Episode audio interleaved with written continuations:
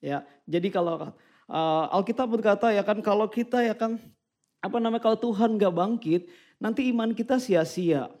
Iman sia-sia maksudnya ya percuma saja kita mempercayai Tuhan yang namanya Yesus. Halo? Nah makanya setiap tahun harusnya kalau Tuhan masih memberi kita kesempatan untuk beribadah. Karena ibadah itu menurut saya ya kan, kalau kita masih ada kesempatan, masih ada kekuatan, masih ada waktu, harusnya kita pergunakan. Makanya kita bilang Ibrani dibilang Jangan menjauhkan diri dari pertemuan-pertemuan ibadah yang dibiasakan setiap orang. Karena jiwa kita perlu diisi dengan yang namanya Tuhan. Halo? Halo?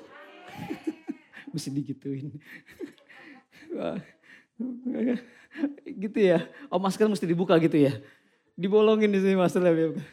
Amin. Ya intinya kan di dalam hati kan gak dimaskerin kan.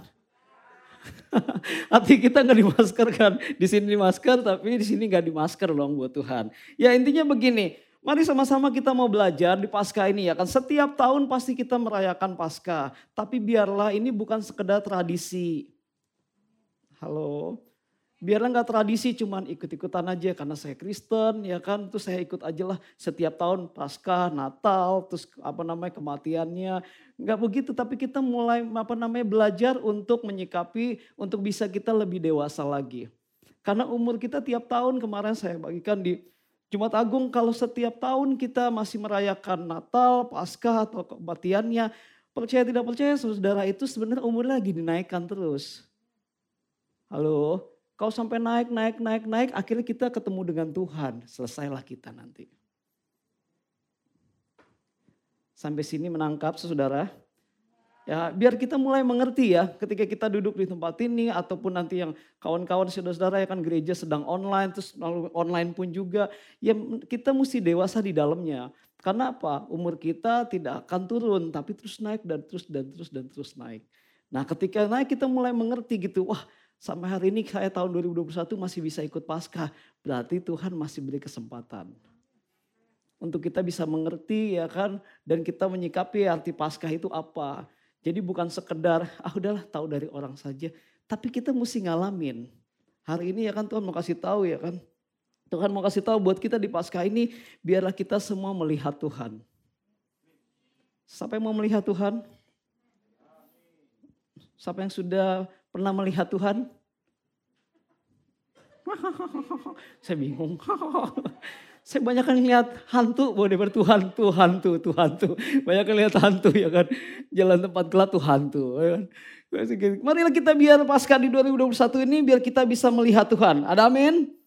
Amin ya. Nah saya mau menguatkan buat setiap kita. Mari kita lihat di Mazmur 30 ayat 11. Mazmur 30 ayat 11. Ini sebenarnya ibadah pagi ini, sesi pagi ini sesi dadakan. Maksudnya sesi dadakan gini, wah oh, iyalah. Mari kita ambil, apa bukan ambil waktu, beri waktu untuk ibadah ada dua kali. Satu buat pagi ya buat parents fellowship dan juga yang junior family ya yang mudanya yang sudah menikah. Ya. Terus nanti sorenya buat anak-anak yang youthnya. Sudah, Mazmur 30 ayat 11. Bisa ditampilkan kak? Yuk. Mari sama-sama kita baca yuk. Yang bisa baca. 3, 2, 1. Atap. Nggak kompak, nggak kompak, nggak kompak. 3, 2, 1. Aku yang meratap telah kau ubah menjadi orang yang menari-nari. Kain kabungku telah kau buka. Pinggangku kau ikat dengan sukacita. Ada amin. Siapa yang hari-hari ini yang kehidupannya selalu meratap?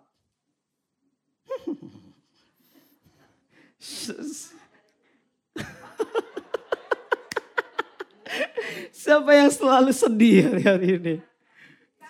Gak selalu, oke pasti ada. Pasti ada. Ayo, siapa yang hari ini meratap nih, yang meratap. Alkitab bilang, aku yang meratap telah kau ubah. Kata telah berarti sudah sudah diubah menjadi orang yang menari-nari. Meratap tuh kayak meratap ya, meratap tuh kayak ya pokoknya menyesali lah. Kalau meratap, kalau orang meratap tuh biasanya, biasanya nih kalau yang di luar Tuhan mungkin ya. Ya itu biasa meratap tuh sampai jedot-jedotin kepalanya ke tembok. Begitu ya Michael Yan? Enggak tahu ya. Kalau Michael gak jidat atau perutnya. Kagak sakit. sakit lah ya kan gitu. Kalau saya sama Zion kalau mandi Zion buka baju saya gitu. Papi dia buka baju, buka bajunya, buka baju nih macam Terus dia kasih tahu perutnya gini, dekat-dekat papi dekat. Terus karena perut saya agak kecil, terus deketin sama dia. Gitu. Terus begini kata dia, nih papi sakit gak papi? Ya gak sakit lah dek, orang perut sama perut diginin gak sakit. Ya kan selalu begitu kalau Zion tuh, kalau mau mandi selalu nggak tahu tuh permainan dari mana, pokoknya dia buat sendiri. Kayak gitu ya kan. Nah masa gini loh, saudara ya kan mari kita sama-sama menyikapi ya. Tadi Alkit tolong dong tampilin. Ya, dibilangnya begini, aku yang meratap telah kau ubah, ya kan, telah kau ubah menjadi orang yang menari-nari. Nah ini kan agak repot ya. Gitu maksudnya gini, yang lagi meratap itu berarti benar-benar sed, bukan sedih yang terseduh-seduh gitu. Kalau sedih-seduh cuman gitu doang. Tapi kalau menatap tuh udah kelam berarti ya gitu ya kok Chris ya. Udah kelam banget gitu bahasanya ya. Maksudnya udah kelam. Nah terus ketika ini meratap dibilang kau ubah menjadi orang yang menari-nari. Yang tadinya meratap ya kan sedih yang kebangetan. Terus, terus diubah sama Tuhan menjadi menari-nari. Gak mungkin menari itu menari yang sedih kan. Ada pernah lihat orang menari itu sedih? Ada kan, pasti dia suka cita berarti gitu. Terus dibilang kain kabungku telah kau buka. Kain kabung tuh kalau orang meratap kita misal biasa Indonesia bagian timur. Kalau ada orang meninggal tuh kita pakai kain kabung. Biasa ya. Nah kalau saya misalnya Indonesia bagian timur ya kan. Itu biasa kita ada kain kain adat gitu dia kita pakai gitu kalau orang meninggal pakai itunya. Terus pokoknya semua berkabung tuh. Biasanya ibu-ibu gitu pada berkabung. Orang-orang adat itu pada berkabung pakai kain kabung. Nah kalau di zaman Yahudi itu kain kabung itu kain hitam. Berkabung berarti kita lagi benar-benar berduka. Nah ketika kain kabungnya itu dibilang gini Alkitab bilang kain kabungku, kain kabung kita nih yang, yang berduka itu telah kau buka.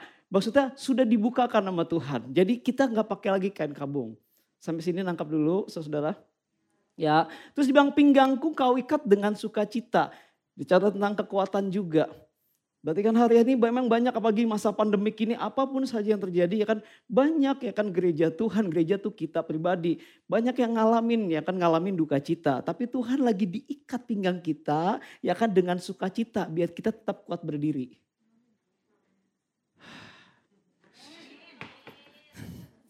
Ya, yang kerja gajinya dipotong.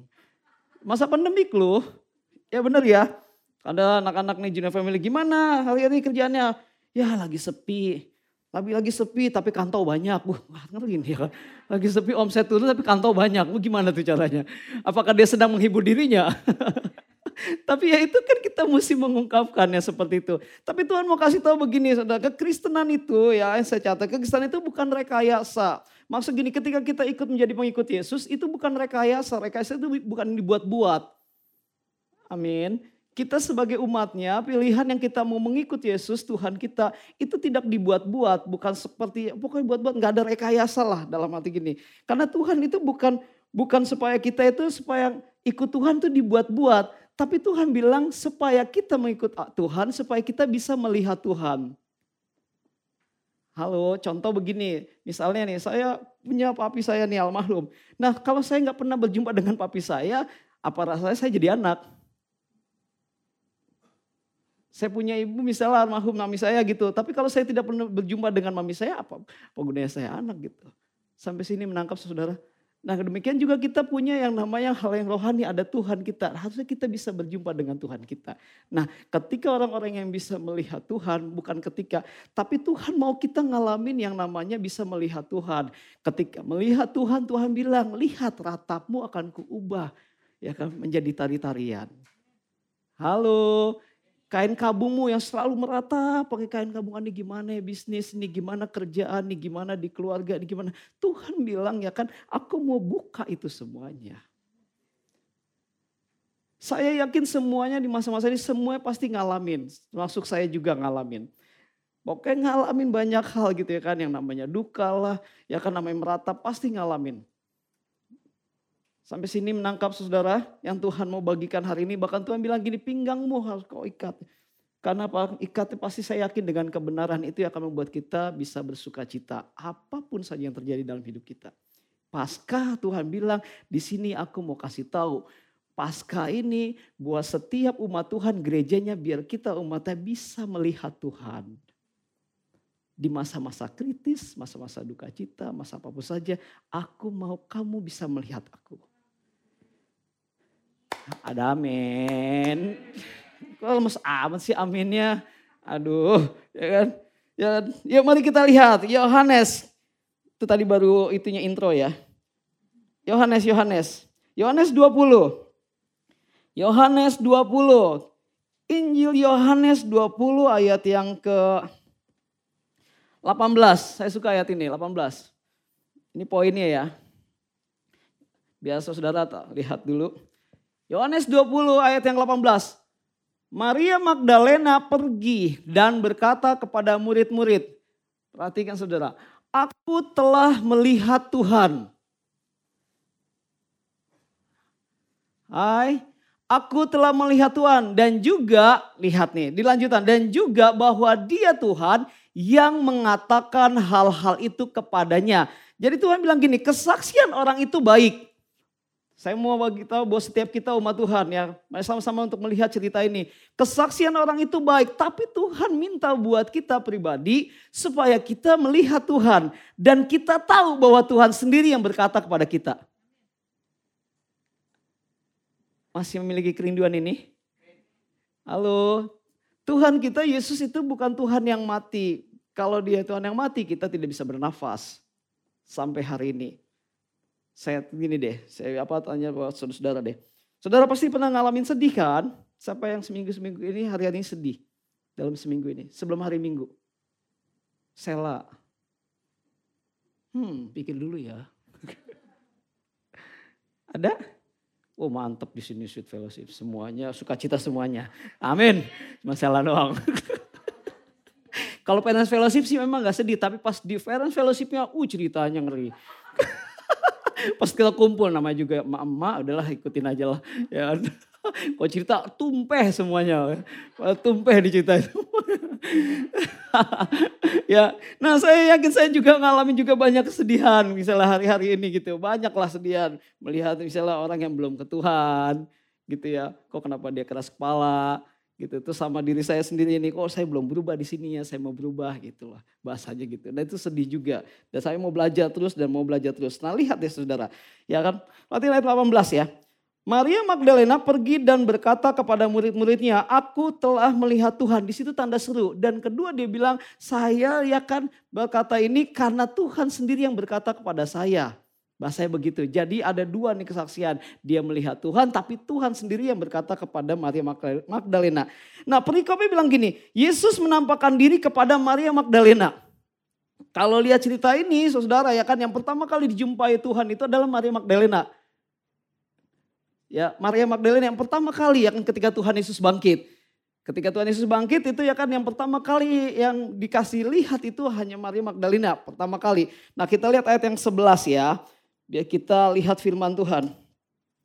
Tetapi Maria berdiri dekat kubur itu dan menangis. Sambil, dibilangnya, sambil menangis ia menyenguk ke dalam kubur itu. Nah dibilangnya begini, tetapi Maria berdiri dekat kubur. Nah sebelumnya Maria itu ada di ayat atasnya.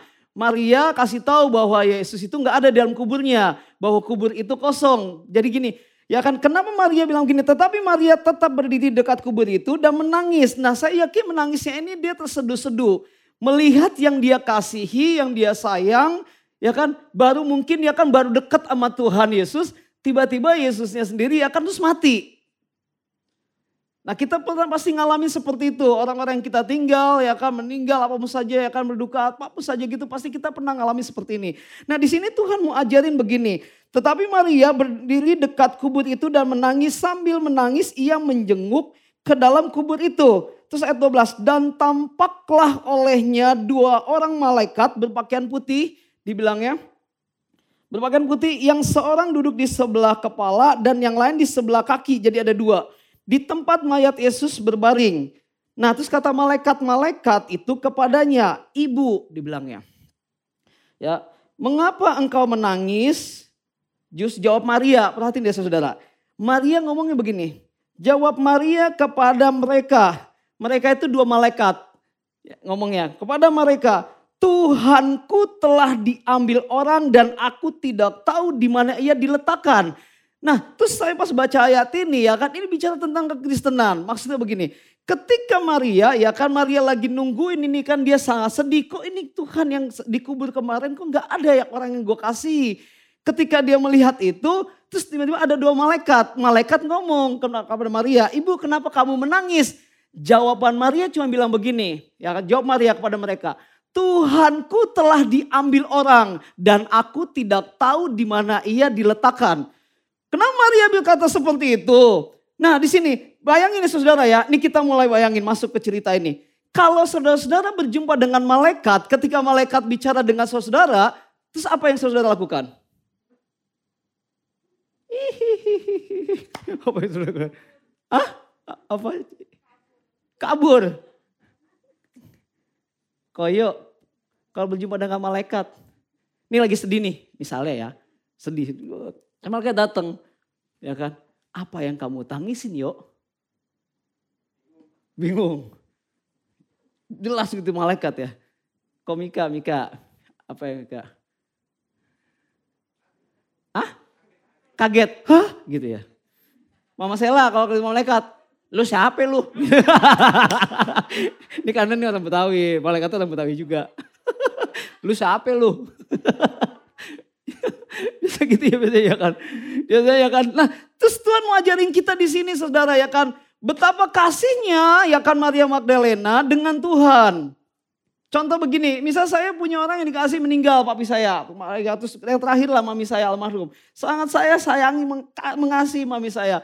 Nah ketika saya lihat gitu misalnya, misalnya, wah mami, mami saya meninggal nih misalnya. Ketika meninggal, terus langsung saya duduk situ melihat, terus ada malaikat tentang apa yang kamu tangisin Len. Gitu. Malaikat tuh, biasanya saya ketika ada malaikat itu pasti saya langsung sibuk ngomong sama malaikat dong. Masih langsung datang gitu ngobrol, ngobrol maksud sibuk gitu lah, sibuk gitu kan. Iya nggak ngomong kayak Maria gini, Maria ketika ditanya begitu, Maria dia nggak menyibukkan dirinya gitu, nggak keganggu dengan malaikat. Paham nggak maksud gini? Nggak ngerti ya. Paham nggak? Ketika kita berjumpa dengan malaikat pasti kaget tadi. Ya kan? Kalau kabur misalnya, siapa nih putih-putih gitu ya kan misalnya. Lihat kakinya ada nggak?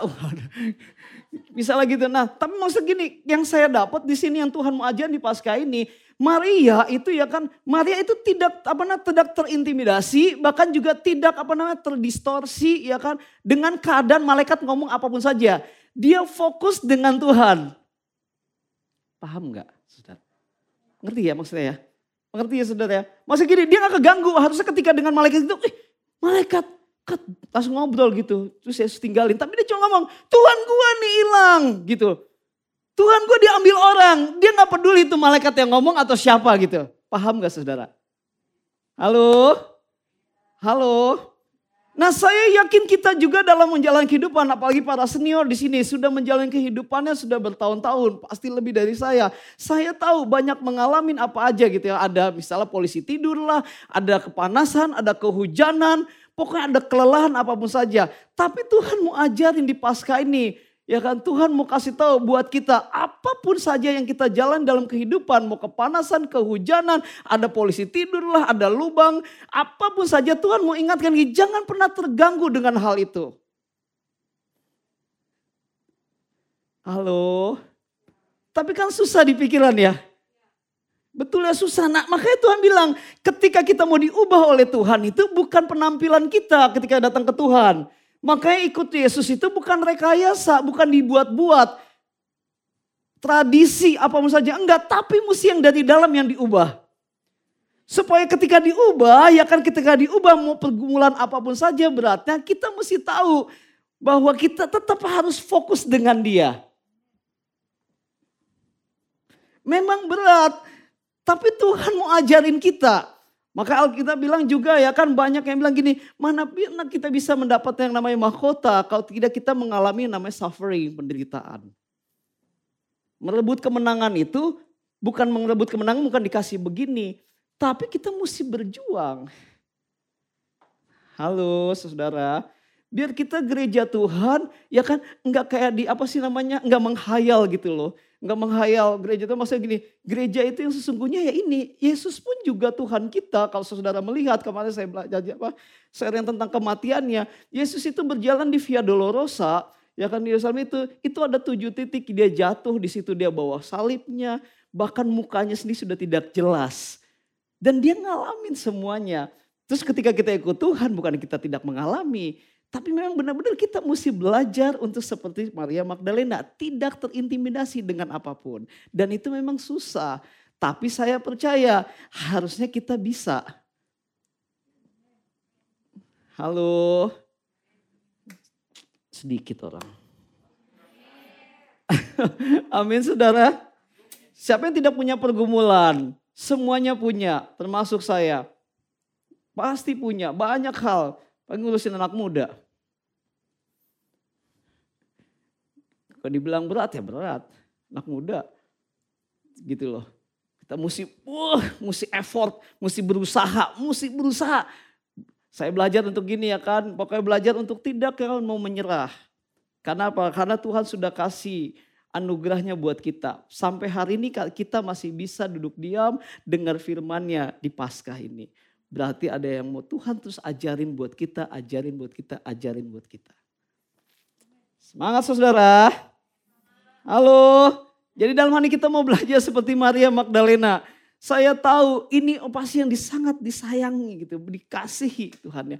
Tapi dia nggak peduli mau malaikat ngomong apa ya kan. Kenapa menangisin? Ah Tuhan gue lagi diambil. Harusnya ketika melihat itu mesti dia kaget. Atau lu siapa lu ajak ngobrol gitu. Enggak tapi dia tidak mau tetap fokus. Itu Tuhan saya nih diambil nih. Tuhan saya. Gitu bahasanya. Halo mau bangkit saudara? Halo. Nih nggak ada semangatnya nih gak ada suaranya kayaknya nih. Coba lihat lagi mukanya. Apa belum makan ya? Kita makan firman dulu, udah selesai baru pas makan sana, wah lahap pasti. Ya kan? Bayar masing-masing ya. Oke, ya intinya Tuhan mau kasih tahu buat kita hari-hari ini, ya kan bahkan di Paskah ini ya kan, mari belajar untuk mempercayai seperti Maria, tidak terintimidasi, ya kan bahkan tidak terdistorsi, masuk gini dengan pikiran-pikiran yang tidak membangun. Dia tetap fokus ini Tuhan saya, ini Tuhan saya, ini Tuhan saya. Ada amin? Amin saudara ya. Mari kita lihat ya. Lanjutannya. Lihat deh ayat yang keberapa? 14 ya. Sesudah berkata demikian, Maria ketika berkata begitu, ketika Maria ngomong dengan malaikat, sesudah berkata demikian, iya, ya kan di sini ya kan tanpa skenario apa pun aja, ya kan, ia menoleh ke mana? Ke belakang. Ia menoleh ke belakang, mungkin berhadapan lagi begini dengan malaikat, kan malaikat begini kiri kanan di kepala dan kakinya. Maria lagi begini. Nah pas lagi ini tidak ada skenario yang apa-apa gitu, langsung bukan tiba-tiba ya. Saya percaya pasti dorongan Tuhan, terus Maria menoleh ke belakang. Ya di belakang. Sesudah berkata demikian, ia menoleh ke belakang dan melihat Yesus berdiri di situ. Ketika lihat melihat di sini, tetapi ia tidak tahu bahwa itu adalah Yesus. Ya, nanti sudah ayat 15. Kata Yesus kepadanya, lihat Yesus langsung ngomong lagi, Tuhan kita, Ibu, mengapa engkau menangis? Nah inilah yang menjadi harusnya endingnya buat kita nih, yang paling pokok gitu. Saya percaya tadi ke depannya yang tadi saya ceritakan, yang kita sharekan, Tuhan tahu semuanya apa yang sedang kita alami. Halo? Tuhan tidak pernah tutup mata. Tuhan tidak pernah tutup mata Yesus ini. Tidak pernah menutup mata ya kan. Bahkan telinganya juga dia tidak pernah tutupkan. Dia mendengar setiap tangisan, keluh kesah, apa pun saja. Nah Tuhan kita ngomong begini. Berkata kepadanya. Lihat. Ibu mengapa engkau menangis? Tuhan Yesus ulangi lagi perkataan malaikat. Betul ya? Ya, ibu mengapa engkau menangis? Langsung bilang, siapakah yang kau cari? Maria menyangka orang itu adalah apa? Songong. Lalu berkata kepada Yesus, Tuhan jikalau Tuhan yang mengambil dia, katakanlah kepadaku di mana Tuhan meletakkan. Kita lanjut dulu ya ayatnya. Ayat apa? 16 ya. Kata Yesus kepadanya, lihat ya saudara ayat 16. Kata Yesus kepadanya, langsung dia panggil, Maria, tanda seru. Maria tanda seru. Langsung Maria berpaling dan berkata kepadanya dalam bahasa Ibrani, Rabuni artinya guru yang agung. Rabuni itu ya kan artinya guru yang agung. Jadi Guru di atas guru. Ya. Nah, ketika Tuhan bilang begini, kata Yesus kepadanya, Maria langsung di situ lihat saudara itu ada tanda seru. Nah Tuhan mau ingatkan buat kita di tempat ini. Tadi saya ulangi lagi, kalau kita hari-hari mengalami kesedihan, kedukaan apa pun saja Tuhan mau bilang ya kan. Ya kan Tuhan mau kalau kita tetap fokus dengan dia, cara berpikir kita dengan dia, nanti Tuhan mau panggil kita namanya. Tuh kan. Saya tanya nih, saudara kenal Tuhan? Kenal Yesus? Wah cuma sedikit. Kenal Yesus? Ya kan? Tuhan kita kenal kita loh. Makanya dia kan tahu nama kita, tahu ciri-ciri kita, tahu habitnya kita, tahu semuanya tentang kita. Dan saya percaya di kebangkitan ini Tuhan mau setiap kita gerejanya itu bukan biasa-biasa lagi. Tapi mulai bangkit ya kan mulai fokus tidak terintimidasi dengan hal-hal yang terjadi di dunia ini. Walaupun kita ngalamin, kita tetap kerjakan saja.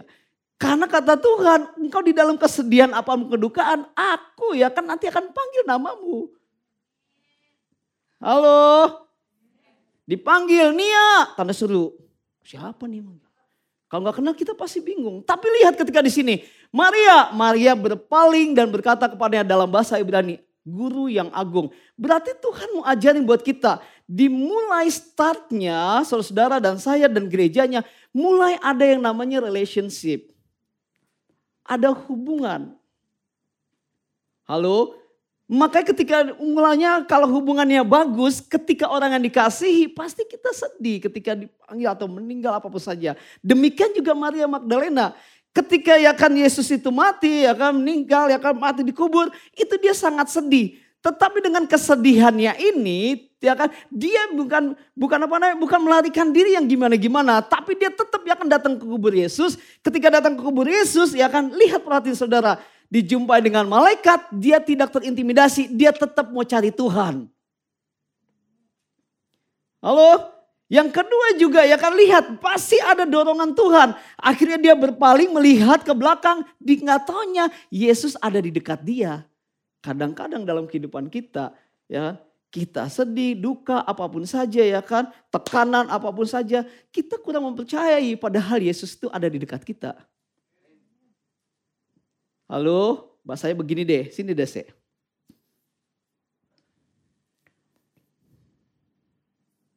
Ini ceritanya itu ya, apa namanya, tempat Tuhan Yesus. Ya di kubur ini. Nah ini, ini Jose lagi sedih. Kalau sedih biasanya melihat ke sini terus ya saudara Halo, melihat yang sedih terus. Ya kalau yang ngalamin sedih ya emang gak pernah ngalamin kali ya. Jadi gak pernah sedih kali ya. Tapi cepat atau lambat anak-anak Tuhan ya kan pasti akan masuk dalam pemurniannya.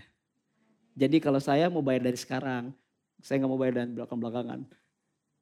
Bayar dari sekarang dulu sedihnya. Kenapa? Karena nanti pasti akan suka cita. Halo? Ah ini kurang semangat nih. Colet kiri kanannya, semangat dong kamu. Jangan makan dong semangat. Pagi kalau udah hari pas kayak gini Miki ya biasanya ya. Kalau kita ya kan bikin apa namanya woku gitu ya. Uh mantep makan. Pagi ya kan. Nih pelatih saudara. Nih ini kan pasti nih, pas bajunya hitam lagi berkabung nih orang. lagi mikirin apa sih saya? Iya kan? Ini akan lihat, ini namanya perkabungan. Ketika dia berkabung, saudara lihat, perhatiin. Kadang-kadang kita fokus ke sini terus. Hai, halo, ya kan kita fokus kini terus. Tapi saya yakin pasti Tuhan wahyu itu loh. Oh Chris, kita wahyu bilang begini wahyu. Ya kan, aku mengetuk pintu. Kalau kita anaknya ya. Dia mengetuk pintu. Nah yang bisa buka kan kita. Dan saya yakin ketika kata Yesus ya kan kepada Maria, ya kan ketika Maria berpaling dan berkata, nih lihat, ketika dia berpaling, di sana ya kan sukacita. Halo? Ya kan di masa-masa pandemi ini apa pun saja yang terjadi buat setiap kita gereja Tuhan. Halo? Kalau di dalam perjalanan selama setahun ini ya kan pandemi ada yang kekurangan lah apa pun saja. Tapi saya tahu dan itu adalah prosesnya Tuhan buat kita untuk kita tetap melihat Tuhan. Jangan melihat ke sini terus saudara. Nah yang dirubah adalah konsepnya di hati ini. Supaya naik ke pikiran, nanti lihat ke mata. Kalau hatinya selalu lihat ke sini, ke duka, ya kan susah, berat, capek, kurang, apa pun saja. Nanti naik kepikiran, kepikiran akan diolah di mata. Di mata melihatnya begitu terus. Padahal kalau saudara bilang balik Jose, kamu lihat pas dipanggil gini, maaf ya, sorry saya. Pas dipanggil, Jose, Jose tetap begini terus. Jose begini terus, Jose begini terus. Tapi kalau bilang Jose ketika dia berbalik begini, dia akan lihat Tuhan. Memang tidak mudah saudara, tapi saya yakin apa pun yang saudara lakukan dan saya hari ini dikasih hidup, Tuhan tuh pasti kekuatan buat kita anak-anaknya. Mazmur 23 bilang gini, sekalipun aku berjalan dalam lembah kekelaman, aku tidak akan takut bahaya.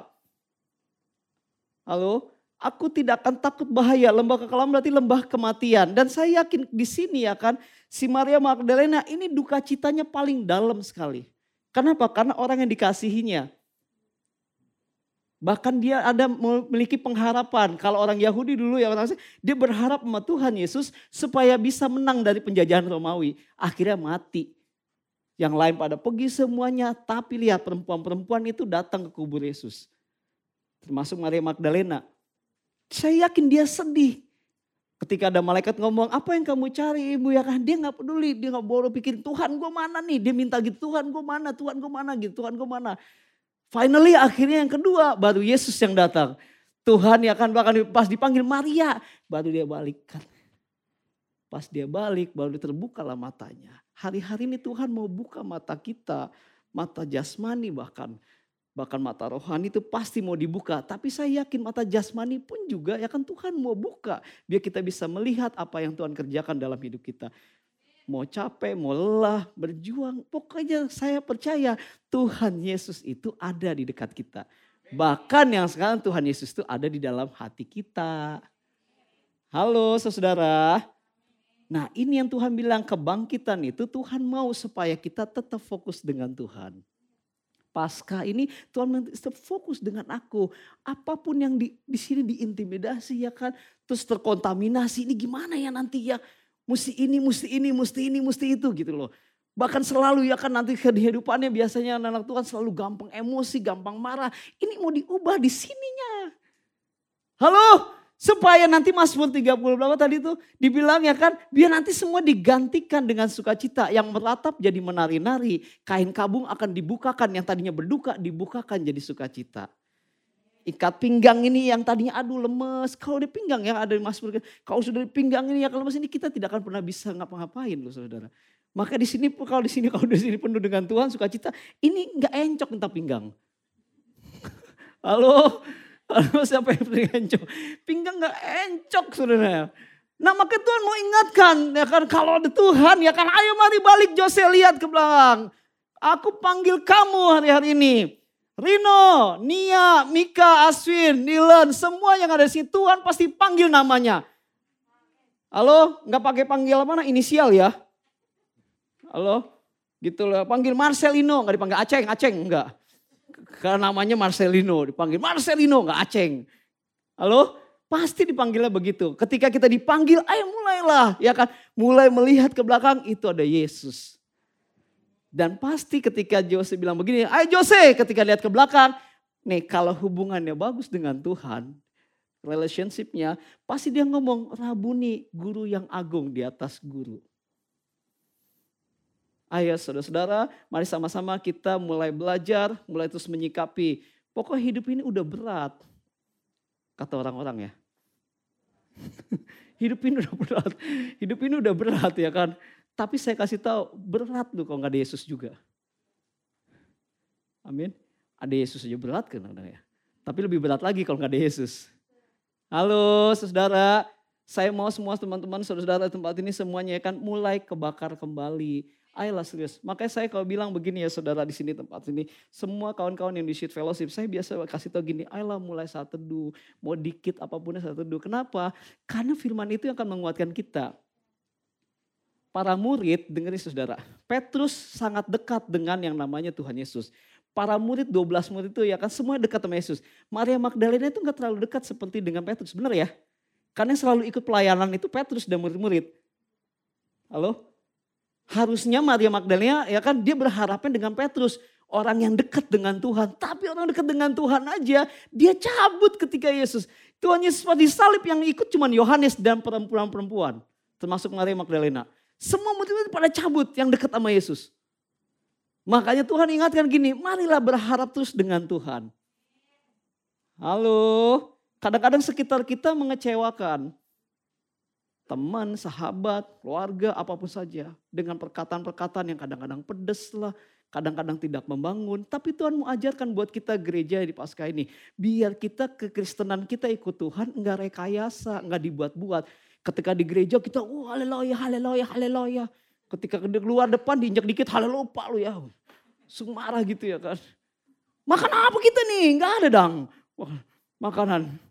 Ya kan? Makan sudah Jo. Ya kan? Pakai sambal nasi juga sedap. Itu kan gak ada yang ketawa, gak ada yang mau. Gak ada yang mau ya kan. ya kan? Ayolah. Amin saudara. Ayo mari kita yang di Sit Fellowship, ayo mulai semangat kembali. Biar di pasca ini Tuhan mau ajarin buat kita yang di tahun ini mari belajar untuk apa namanya fokus dengan Tuhan. Apa pun saja yang terjadi. Nah ini belajar fokus berarti belajar untuk relationshipnya dengan Tuhan. Saya ingatkan ya saudara semuanya ya. Nih lihat nih saudara. Ya kan? Cepat atau lambat Tuhan itu akan panggil nama kita. Kadang-kadang kita nggak dengar dipanggil sama Tuhan. Halo, kalau saya dengar nih misalnya, saya dekat dengan papi saya. Ketika papi saya pulang kerja, pada kamar saya di jauh di belakang dekat garasi yang di Priok. Tapi papi saya pulang gitu pakai mobil, tadi pas turun mobilnya, ya kan turun mobilnya dipanggil dong dari pagar pakai siul gitu. Oh papi, saya bukan. Terus udah dua satu kali, oh nggak ada yang buka. Dia kalau sampai dua kali, saya tunggu sampai tiga kali, oh berarti nggak ada yang bukain pagarnya, garasinya. Berarti saya yang keluar. Karena kamar saya dekat garasi mobil gitu. Akhirnya saya yang keluar. Biasanya ada yang keluar gitu, ada yang bukain gitu. Nah berarti oh saya dengar nih papi saya nih, ini pasti papi saya. Jadi saya tahu gitu itu papi saya. Nah juga Tuhan begitu dengan kita, adamin. Saya tahu pokoknya apa pun saja yang kita jalan dan hidup itu memang terasa seperti berat. Tapi saya percaya ya kan ada Tuhan yang terus memanggil nama kita. Supaya kita kuat. Halo, Junior Family gimana? Masih semangat? Kayak mukanya cemberut. Pulang gue di ini nih kayaknya nih ya. Kadilan. Semangat ya Junior Family. Ya, Cika. Ya, awas suka Dilan lo. Pulang lihat mana lo? Kan di sini rumah gue. ya semangat ya semuanya ya kawan-kawan. Oke, ya kan Parents Fellowship juga tetap semangat. Ayolah semuanya mulai bangkit. Ya kan karena Tuhan itu apa namanya? Tuhan itu benar-benar ya kan benar-benar peduli dengan kita. Makanya dia mau bangkit. Kalau dia nggak peduli dengan kita, dia ngapain bangkit? Sia-sia kita semuanya. Pokoknya. Nah makanya saya bilang kalau anak-anak muda gitu ya kan saya bilang ayolah tetap aja terus berjuang. Jangan nyerah, jangan nyerah, jangan nyerah.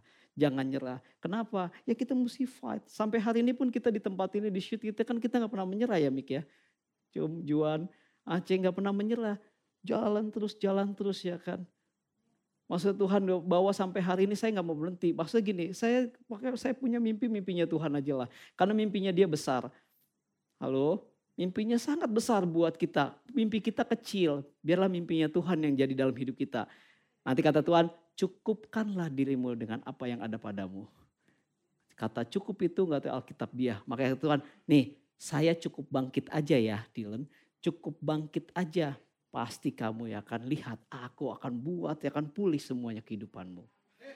Halo saudara, ada amin di pasca ini? Amin ya. Ya biarlah firman Tuhan yang singkat dan jelas ini biar kita semuanya semuanya dimerdekakan di dalam Tuhan. Percayalah cepat atau lambat Tuhan akan panggil nama kita. Kalau lagi dalam suk, duka, sedih atau senang apa pun aja Tuhan akan panggil nama kita. Hai Rino. Nanti Rino panggil, hai guru yang agung. Gitu loh. Hai Jo, di hati Yohanes dipanggil, hai Yohanes. Yohanes akan jawab, eh Tuhan Yesus apa kabar Tuhan? Ada amin? Amin semua saudara. Biarlah Tuhan memberkati. Thank you buat hari ini.